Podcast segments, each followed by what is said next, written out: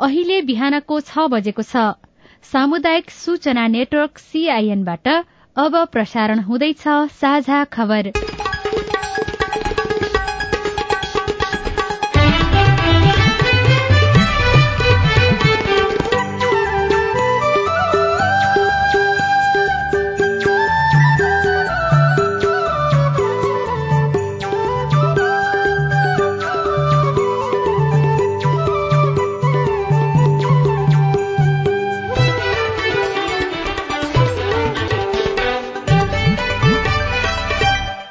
प्रभात यो सीआईएनको साझा खबर हो। स्नेहा कर्णसँगै राजन रुचालको तपाईँलाई स्वागत छ।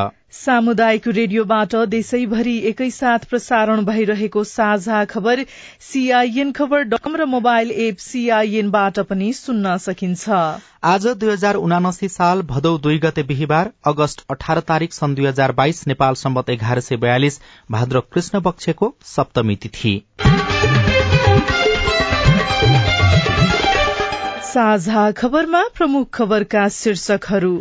राष्ट्रपतिबाट फिर्ता भएको नागरिकता विधेयक जस्ताको त्यस्तै आजै पारित गर्ने तयारी प्रधान न्यायाधीश विरूद्धको महाभियोग प्रस्तावमा औपचारिक छानबिन शुरू तर टुङ्गोमा पुग्ने सम्भावना न्यून।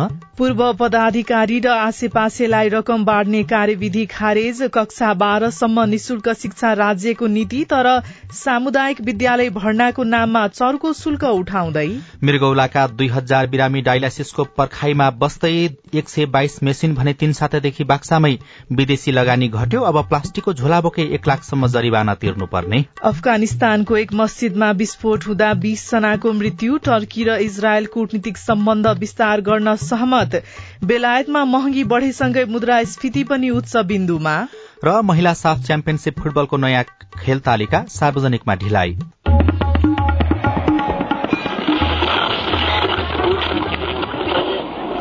रेडियो।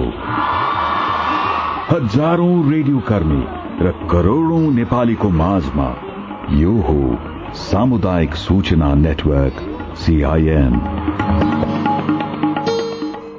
साझा खबरको सबैभन्दा शुरूमा नागरिकता विधेयक जस्ताको त्यस्तै पारित गर्ने तयारी सम्बन्धी प्रसंग राष्ट्रपति विद्यादेवी भण्डारीले पुनर्विचारका लागि फिर्ता गर्नुभएको नेपाल नागरिकता ऐन संशोधन विधेयक आज नै जस्ताको तस्तै पारित गर्ने तयारी रहेको छ। सत्ता गठबन्धनको निर्णय अनुसार गृहमन्त्री बालकृष्ण खाँडको आग्रहमा संसदले विधेयक पारित तयारी गरेको हो। विधेयक पारितको सम्भावित कार्यसूची हिजै प्रकाशित भइसकेको छ।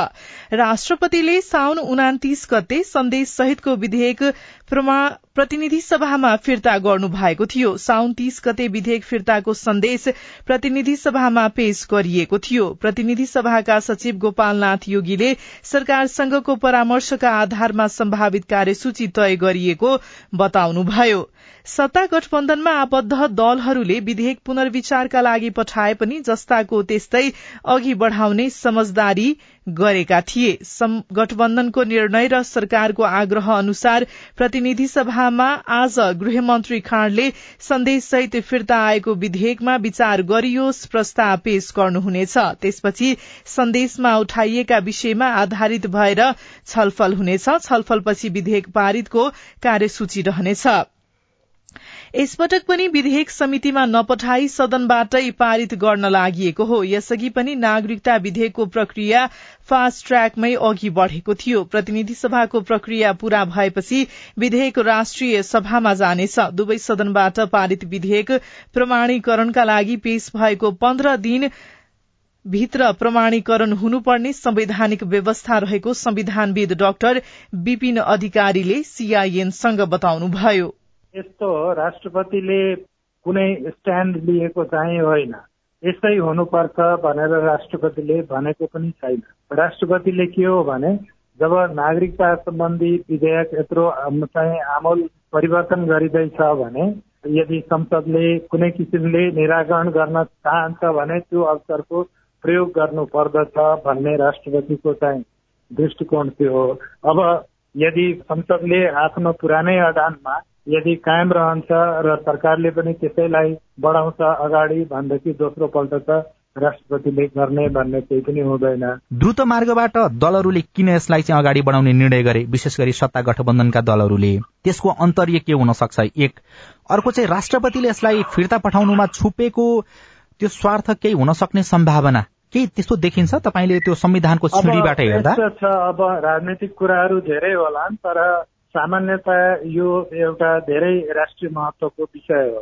किनभने नागरिकताको विभिन्न इस्युहरू यसमा संलग्न छ र मूलत दुईटा विषयहरू धेरै महत्वपूर्ण देखिन्छन्।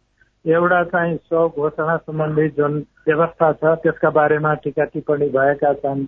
दोस्रो चाहिँ यो वैवाहिक अङ्गीकृत नागरिकताको सम्बन्धमा यो समयावधि उल्लेख नगरेको भन्ने कुरालाई पनि चाहिँ धेरै मान्छेले टिप्पणी गरेको चाहिँ अवस्था छ।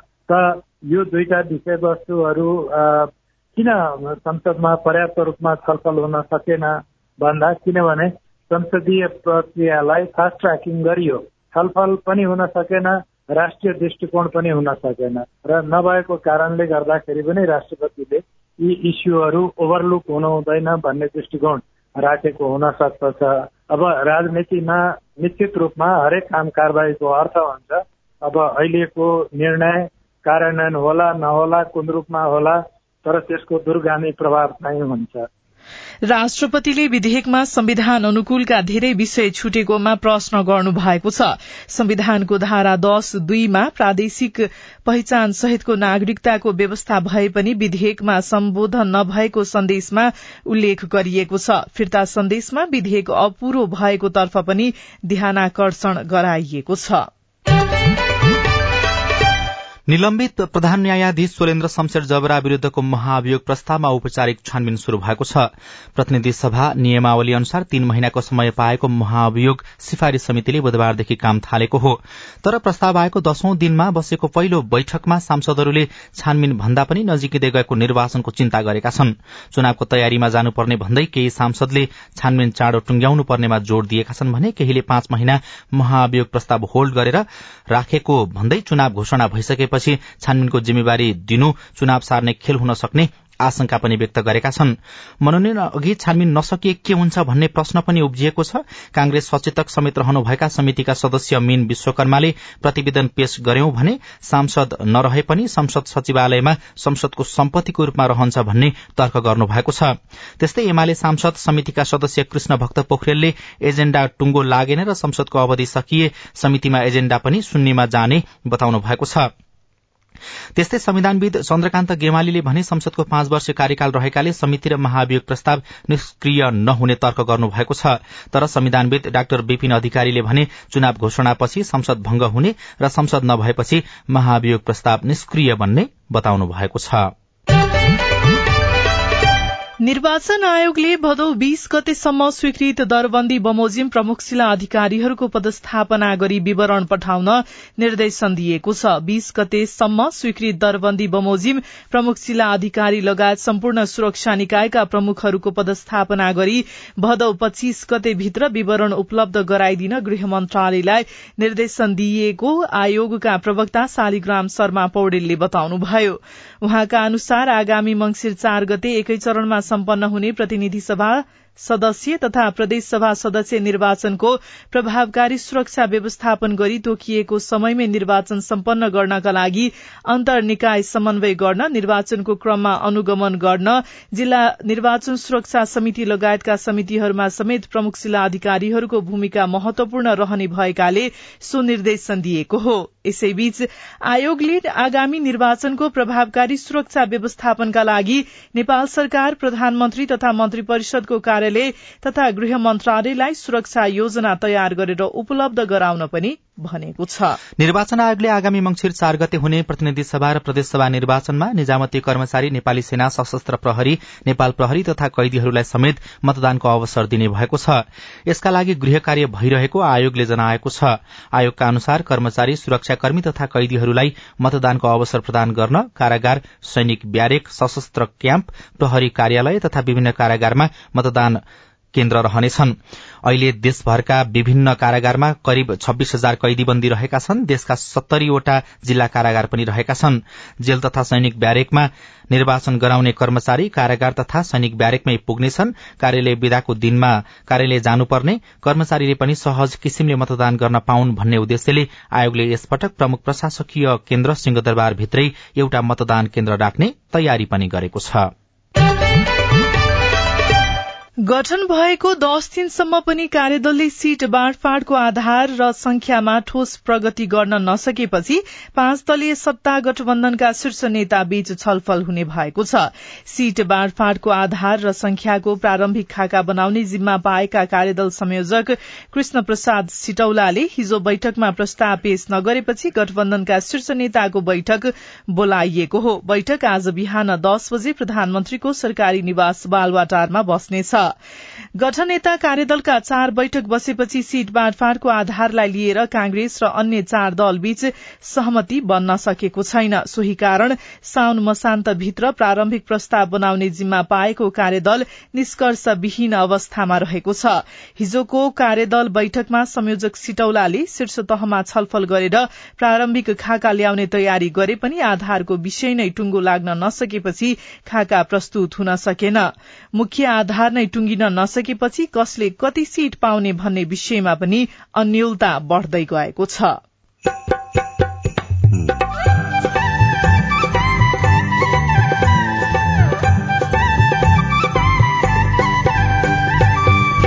सामुदायिक सूचना नेटवर्क सीआईएन मार्फत देशभरि प्रसारण भइरहेको साझा खबरमा निशुल्क हवाई उद्धार सेवाबाट पछिल्लो तीन वर्षमा चार सय भन्दा बढ़ी महिला लाभान्वित। उद्धार भए पछाडि म थापाथली स्थित हस्पिटलमा एडमिट भएँ अनि त्यहाँको डाक्टरको उपचार पाएपछि अहिले म र मेरो बच्चा एकदम स्वस्थ छौं।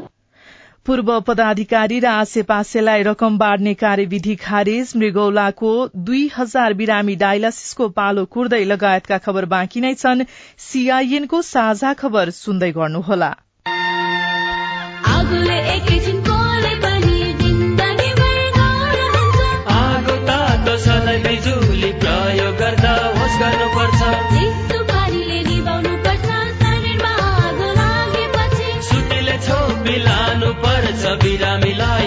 स्वास्थ्य चौकी नानी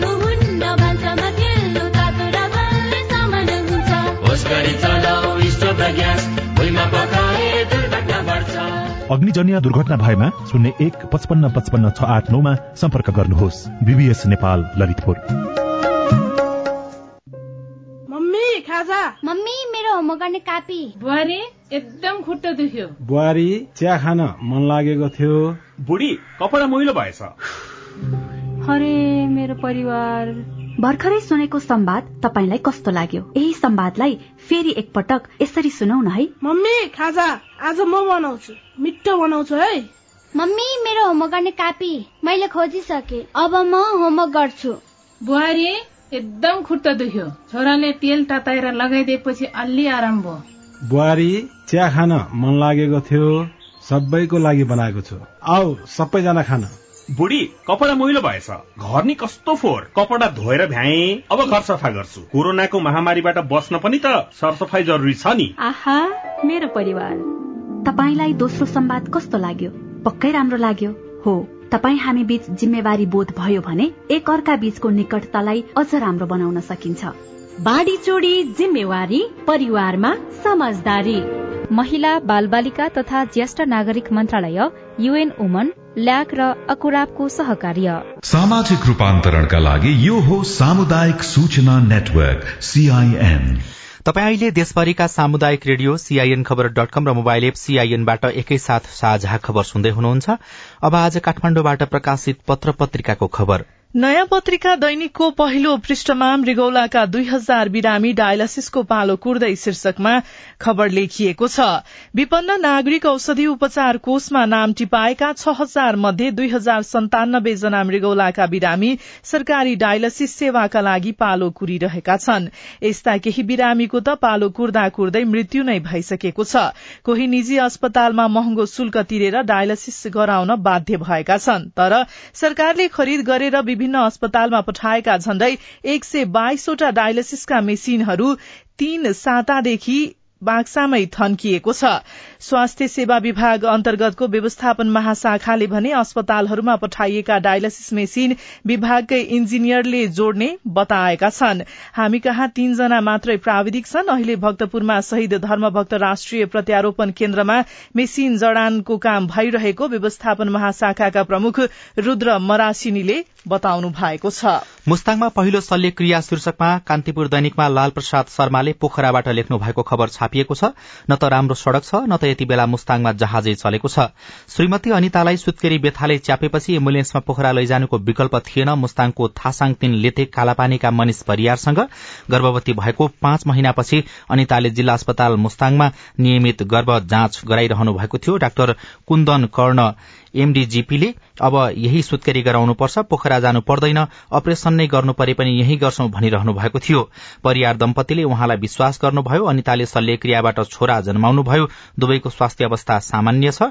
अडचालिस वर्ष अघि खुलेको जिल्ला अस्पतालले अब प्रसूति शल्यक्रिया मात्रै होइन हाड जोर्नी एपेण्डिसाइटिस हाइड्रोसिल ठूला घाउ चिरफार सेवा समेत दिन थालेको छ। नागरिक खुशी भएका छन् खबरमा भनिएको छ।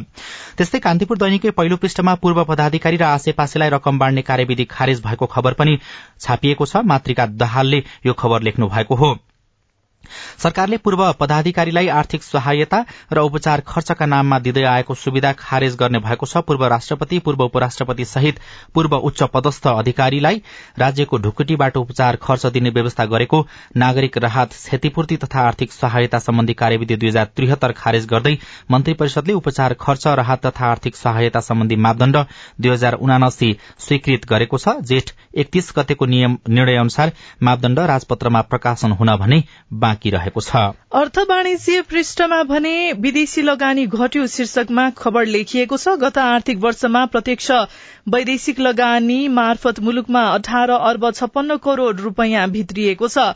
अघिल्लो आर्थिक वर्षको तुलनामा गत आर्थिक वर्षमा करिब पाँच प्रतिशतले कम लगानी आएको हो।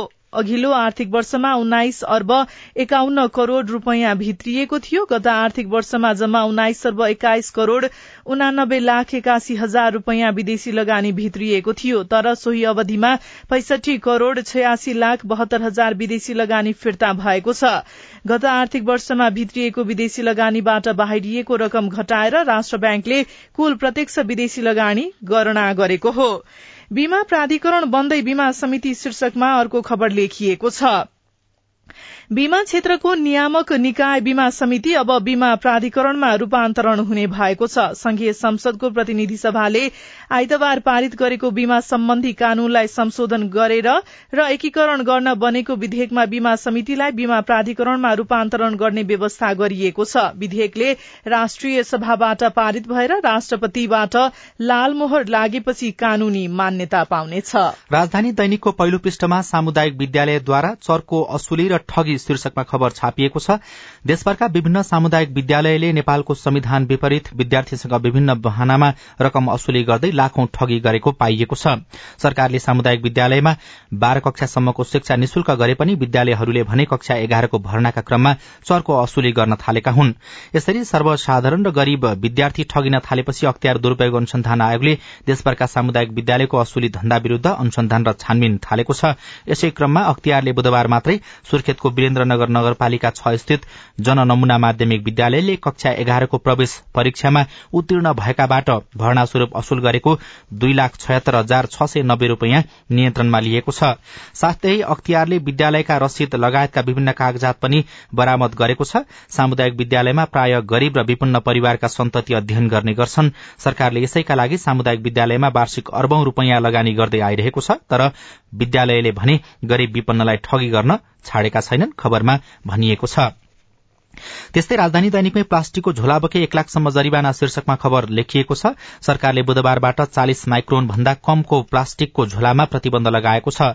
वन तथा वातावरण मन्त्रालय अन्तर्गत वातावरण विभागले प्लास्टिक जन्य पदार्थबाट हुने वातावरणीय प्रदूषण न्यूनीकरण गर्न चालिस माइक्रोन भन्दा पातलो प्लास्टिक उत्पादन आयात बिक्री वितरण र प्रयोगमा पूर्ण रूपमा प्रतिबन्ध लगाएको हो।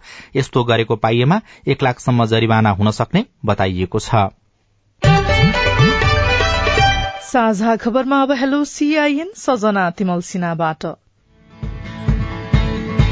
बझाङदेखि नेपाल सरकार तथा स्वच्छ मन्त्रालयबाट चारवटा रोग लागेकाहरूलाई उपचार खर्च बापत दिइने भनेको पाँच हजार रुपियाँ। विशेष गरी मेरो दण्ड पक्षमा रहेका साथीहरूले पहिला खाए पाएको त्यो जस्तै रातो कार्ड र निलो कार्डहरूले पनि प्लस पाँच हजार हो कि त्यो सबै एउटै पाँच हजार हो। तपाईँको जिज्ञासा मेटाउँदै हुनुहुन्छ स्वास्थ्य तथा जनसंख्या मन्त्रालयका सहप्रवक्ता डाक्टर समीर कुमार अधिकारी। कहीँ कतैबाट पेन्सन लिइराखिएको छ सरकारको ढुकुटीबाट अर्को किसिमको भत्ता अर्को किसिमको सुविधा लिइराखिएको छ भने त्यसरी लिन पाइँदैन। एकरो हुने गरी र उपचार व्यवस्थापनलाई सहज हुने गरी। गोर्खा जिल्ला अजिरकोट गाउँपालिका पाँच हो। मेरो नाम बिरबहादुर तामाङ हुँ क्यान्सर पीडित हुँ। क्यान्सर पीडितको लागि मासिक पाँच हजार औषधि खर्च उपलब्ध गराउने भनेको यो साउन एक गतेबाट लागू हुन्छ भन्ने कुरो सुनेको थियौँ। अनि यो केन्द्रीय सरकारले हो कि प्रदेश सरकारले हो कि पालिका सरकारले हो तपाईँको प्रश्नको जवाब छ? म अलिकोट गाउँपालिका स्वास्थ्य शाखाबाट ठाकुर भट्ट बोल्दैछु। हामीले यसको तथ्याङ्क लिइसकेका छौँ। अहिलेसम्म तथ्याङ्क धेरै आइसकेका छ। अब हाम्रो काम भनेको अब स्वास्थ्य मन्त्रालयसँग रकम माग गर्नु मात्रै बाँकी छ। अब रकम माग गरिसकेपछि हामी सम्बन्धित कार्यविधिले समेटेको मान्छेहरू रोगीहरू हुनुहुन्छ। उहाँहरूको चाहिँ ब्याङ्क खातामा हामी साउनबाट पाँच हजारको दरले चाहिँ हाल्छौँ। तपाईँ जुनसुकै बेला हाम्रो टेलिफोन नम्बर शून्य एक बान्न साठी छ चार छमा फोन गरेर आफ्नो प्रश्न जिज्ञासा गुनासा तथा समस्या रेकर्ड गर्न सक्नुहुनेछ। साझा खबरमा अब विदेशको खबर। अफगानिस्तानको राजधानी काबुलमा भएको बम विस्फोटमा परि कम्तीमा बीस जनाको मृत्यु भएको छ।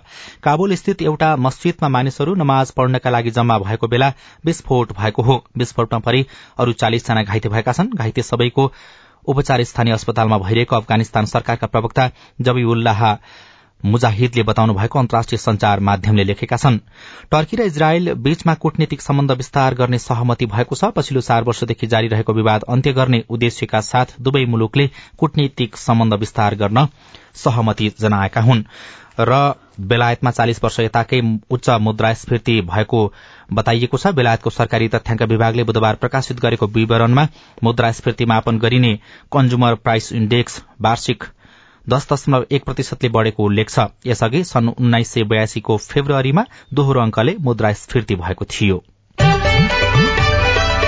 अब खेल खबर नेपाल आर्मी प्रथम राष्ट्रिय खुला बास्केटबल प्रतियोगिताको पुरूषतर्फ क्वार्टर फाइनलमा पुगेको छ। आयोजक नखीपोट युथ क्लबको हलमा आर्मीले किर्तिपुरलाई एक सय एक पचासी स्कोरले पराजित गर्दै क्वार्टर फाइनलमा पुगेको हो। नेपालमा आयोजना हुने महिला साफ च्याम्पियनशीप फुटबलको नयाँ खेल तालिका आगामी हप्ता सार्वजनिक हुने भएको छ। हिजो बसेको दक्षिण एसियाली फुटबल महासंघ साफको कार्यकारिणी समितिको बैठकले महिला साफको नयाँ कार्यतालिका नयाँ तालिका सार्वजनिकका लागि अगस्त तेइससम्म पर्खने निर्णय गरेको हो। यस्तै श्रीलंकामा आयोजना हुने साफ सत्र वर्ष मुनिको च्याम्पियनशीपको नयाँ तालिकाका लागि समेत अगस्त तेइससम्म पर्खने निर्णय गरेको हो र विश्व फुटबलको सर्वोच्च निकाय फिफाले कतार विश्वकप दुई हजार बाइस अन्तर्गत दक्षिण अमेरिकी छनौटमा ब्राजिल र अर्जेन्टिना बीच हुने खेल रद्द गर्ने निर्णय गरेको छ। गर्भवती र सुत्केरी महिला हवाई उद्धार कार्यक्रम प्रभावकारी बन्दै रेडियो रिपोर्ट स्वस्थ जीवनशैली सम्बन्धी सन्देशहरू खबर र कार्टुन पनि बाँकी नै छ। सीआईएनको साझा खबर सुन्दै गर्नुहोला। होइन के सुनेको यस्तो ध्यान दिएर दोहोरो बोलेको जस्तो नि देख्दिन। तिन दुई एक शून्य शून्य क्या? तिन दुई एक शून्य शून्य? के हो त्यो भने? बुझिन त। ल सुन एनटिसी प्रयोगकर्ताहरूले आफ्नो मोबाइल तथा ल्यान्डलाइनमा तीन दुई एक शून्य शून्य डायल गरी समाचार रेडियो कार्यक्रम खेल र अन्य विषय बारे सन्देशहरू जुनसुकै बेला निशुल्क सुन्न सक्छन्। ओहो निशुल्क? कस्तो सजिलो। समाचार सुन्न छुट्यो भनेर पिर लागेको थियो। अब त म पनि सुनिहाल्छु। कति रे? तिन दुई एक शून्य शून्य। सामाजिक रूपान्तरणका लागि यो हो सामुदायिक सूचना नेटवर्क सीआईएन साझा खबरमा अब गर्भवती र सुत्केरी लक्षित हवाई उद्धार कार्यक्रमको प्रभावकारिता। पहाड़ी तथा दुर्गम जिल्लाका गर्भवती तथा सुत्केरी महिलामा आइपर्ने समस्या समाधानका लागि सरकारले संचालन गरेको निशुल्क हवाई उद्धार कार्यक्रम प्रभावकारी बन्दै गएको छ। तीन वर्षको अवधिमा यस कार्यक्रमबाट चार सय तीनजना महिलाको उद्धार गरिएको छ। निशुल्क रूपमा हवाई उद्धार सेवा लिन सकिने भएकाले पनि यो कार्यक्रम प्रभावकारी बन्दै गइरहेको छ।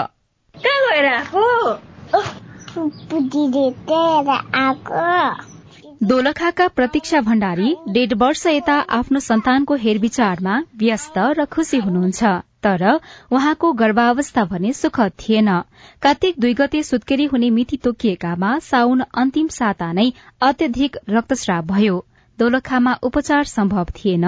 गाड़ीबाट काठमाण्डु आउँदा समय धेरै लाग्ने भयो। त्यसैले उहाँले स्वास्थ्य कर्मीको सल्लाह प्रमुख जिल्लाधिकारीको समन्वयमा महिला बाल बालिका तथा ज्येष्ठ नागरिक मन्त्रालयको सहयोगमा हेलिकप्टर उद्धार सेवा लिनुभयो। उद्धार भए पछाडि म थापाथली स्थित हस्पिटलमा एडमिट भए अनि त्यहाँको डाक्टरको उपचार पाएपछि अहिले म र मेरो बच्चा एकदम स्वस्थ छौं। खोटाङको बराहा पोखरी गाउँपालिका एकका विष्णा मगरले लामो प्रसव पीड़ा घरमै सहनुभयो। हेलिकप्टर मार्फत उद्धार गरी अस्पताल ल्याउँदासम्म बच्चाको मृत्यु भइसकेको थियो।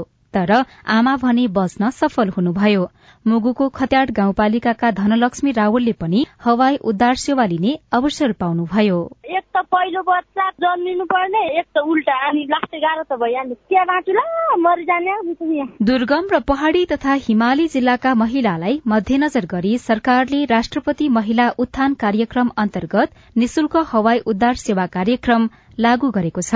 सुत्केरी व्यथा लागेमा अत्यधिक रक्तस्राव भएमा आमा र बच्चाको ज्यान जोखिममा भएमा स्थानीय सरकारको सिफारिश र मन्त्रालयका अधिकारीको समन्वयमा महिलाको उद्धार हुने गरेको छ। कार्यक्रम लागू भएको तीन वर्षमा चार सय तीन महिलाले यो सुविधा लिएका छन्। यसरी सुविधा लिने मध्ये सबैभन्दा धेरै कड़ाली प्रदेशका एक सय एकचालिस जना रहेका छन्। जुम्लाका प्रमुख जिल्लाधिकारी विजया प्रसाई यो कार्यक्रमबाट धेरैको ज्यान जोगिएको बताउनुहुन्छ। यदि कोही चाहिँ महिला चाहिँ सुत्केरी हुने कारणले चाहिँ उसलाई क्रिटिकल अवस्था आउँछ भने काठमाडौँमै पनि हेलिकप्टरबाट रेस्पोन्स गर्नुपर्छ जस्तो लाग्छ कि। लाइफ सेभिङको कुरा भयो नि एउटा महिलाको अनि बच्चाको पनि कुरा भयो। त्यो चाहिँ अरूसँग कम्पेयरै गर्न सकिँदैन एकदमै प्रभावकारी छ। हाल यो कार्यक्रम ताप्लेजुङ सभा भोजपुर खोटाङ सोलुखुम्बु ओखलढुङ्गा मनाङ मुस्ताङ रूकुम पूर्व रूकुम पश्चिम जाजरकोट डोल्पा कालीकोट मुगु हुम्ला बझाङ बाजुरा अछाम र दार्चुला गरी उन्नाइस जिल्लामा पूर्ण रूपमा कार्यान्वयनमा छ। उनातिस जिल्लामा आंशिक रूपमा लागू छ। सरकारले सबै जिल्लामा यो कार्यक्रम लागू गर्ने तयारी गरेको महिला बाल बालिका तथा ज्येष्ठ नागरिक मन्त्री उमा रेग्मी बताउनुहुन्छ। भएको बजेट चाहिँ नपुगेर हाम्रो बजेट पनि कम हुन्छ। अर्थ मन्त्रालयसँग हवाई उद्धारको लागि चाहिँ थप बजेटको माग गरिरहेछौँ। त्यो थप बजेट भएपछि अरू अझै त्यस्ता जोखिम ठाउँमा चाहिँ हामी काम गर्छौं। लामो प्रसव व्यथा लागेमा वा सुत्केरी तथा गर्भवती अवस्थामा कुनै पनि समस्या देखिएमा स्थानीय सरकारको समन्वयमा मन्त्रालयको राष्ट्रपति महिला उत्थान कार्यक्रम समन्वय इकाईको फोन नम्बर अन्ठानब्बे पाँच बाह्र पचपन्न दुई सय चौन्न शून्य एक बयालिस शून्य शून्य तीन दुई आठमा सम्पर्क गर्न सकिन्छ।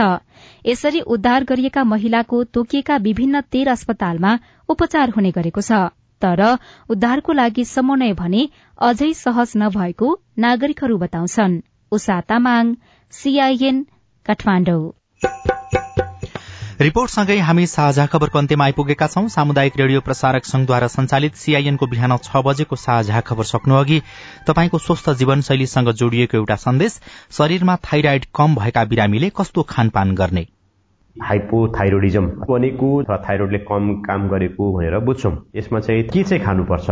आयोडिन युक्त खानेकुराहरू उहाँलाई राम्रो हुन्छ। किन भन्दाखेरि आयोडिनले चाहिँ थाइरोइडको काम राम्रो गर्छ। आयोडिन विशेष गरी हामीले खाने जुन आयो नुन हुन्छ त्यस्तो खालको नुनको सेवन गर्नुपर्छ हाइपोथाइरोडिजमको पेसेन्टले अर्को आयोडिन हुने भनेको माछाहरू भयो अन्य फलफुलहरू अथवा सागसब्जीहरू मजाले खानुपर्ने हुन्छ। कुनै कुनै खानेकुरा जसले चाहिँ यो गलगाडोहरू बनाउने खालको र थाइरोइडको कामलाई कम गराउने र थाइरोइडलाई चाहिँ अप्ठ्यारो गराउने खालको विशेष गरी यो कौली बन्दाकोपी ब्रोकौली गान्टेमुला यी खालका खानेकुराहरू चाहिँ थाइरोइड कम भएको बिरामीको लागि खानु हुँदैन डाक्टर भूपेन्द्र शाहसँगको कुराकानीमा आधारित यो सन्देशसँगै साझा खबरमा मुख्य मुख्य खबर फेरि एकपटक। राष्ट्रपतिबाट फिर्ता भएको नागरिकता विधेयक जस्ताको त्यस्तै आज पारित गर्ने तयारी प्रधान न्यायाधीश विरूद्धको महाभियोग प्रस्तावमा औपचारिक छलफल शुरू तर टुङ्गोमा पुग्ने सम्भावना न्यून। पूर्व पदाधिकारी र आसेपासेलाई रकम बाँड्ने कार्यविधि खारेज कक्षा बाह्रसम्म निशुल्क शिक्षा राज्यको नीति तर सामुदायिक विद्यालय भर्नाको नाममा चर्को शुल्क उठाउँदै मृगौलाका दुई हजार बिरामी डायलासिसको पालो कुर्दै एक सय बाइस मेसिन भने तीन सातादेखि बाक्सामै विदेशी लगानी घट्यो। अब प्लास्टिकको झोला बोके एक लाखसम्म जरिवाना तिर्नुपर्ने। अफगानिस्तानको एक मस्जिदमा विस्फोट हुँदा बीस जनाको मृत्यु। टर्की र इजरायल कूटनीतिक सम्बन्ध विस्तार गर्न सहमत। र महिला साफ च्याम्पियनशीप फुटबलको नयाँ खेल तालिका सार्वजनिकमा ढिलाइ। साझा खबर कन्त्यमा कार्टुन लिएका छौं कान्तिपुर दैनिकबाट गजब छब्बा शीर्षकमा अविनले बनाउनु भएको कार्टुन छ। यहाँ आयल निगम भनेर देखाइएको छ। उपभोक्ता जस्ता देखिने एकजना व्यक्ति छन् जो ग्यालिन बोकेर उभिएका छन् ख्याउटे देखिन्छन् अनि आयल निगमका हाकिम जस्ता देखिने व्यक्ति छन् जो चाहिँ मोटो घाटो देखिन्छन् कुर्सीमा बसेका छन्। तीन पटकसम्म मूल्य घटाइसक्यो इण्डियन आयल निगमले तर नेपालको आयल निगमले भने अहिलेसम्म घटाएको छैन मूल्य समायोजन गरेको छैन। त्यसको आलोचना भइरहेको छ। निगम भन्छ पचास अर्ब घाटामा छौं त्यही कुरालाई व्यङ्ग्य गर्न खोजिएको छ। उपभोक्ताले केही भनिरहेका छन् अनि जवाफमा आयल निगमका हाकिमको चाहिँ जवाफ यस्तो लेखिएको छ। भो भो भो भाउको कुरै नअर्नुहोस् तपाईँ घटा घटा भनिरहनु भएको छ म चाहिँ घाटा घाटा मात्रै सुनिरहेछु। हवस् त प्राविधिक साथी सुनिल राज भारतलाई धन्यवाद। अहिलेलाई राजन रुचाल र स्नेहा कर्ण विदा भयौं। तपाईँको आजको दिन शुभ होस् नमस्कार। यसपछि देशभरिका सामुदायिक रेडियोबाट कार्यक्रम साझा आवाज प्रसारण हुनेछ। सुन्ने प्रयास गर्नुहोला।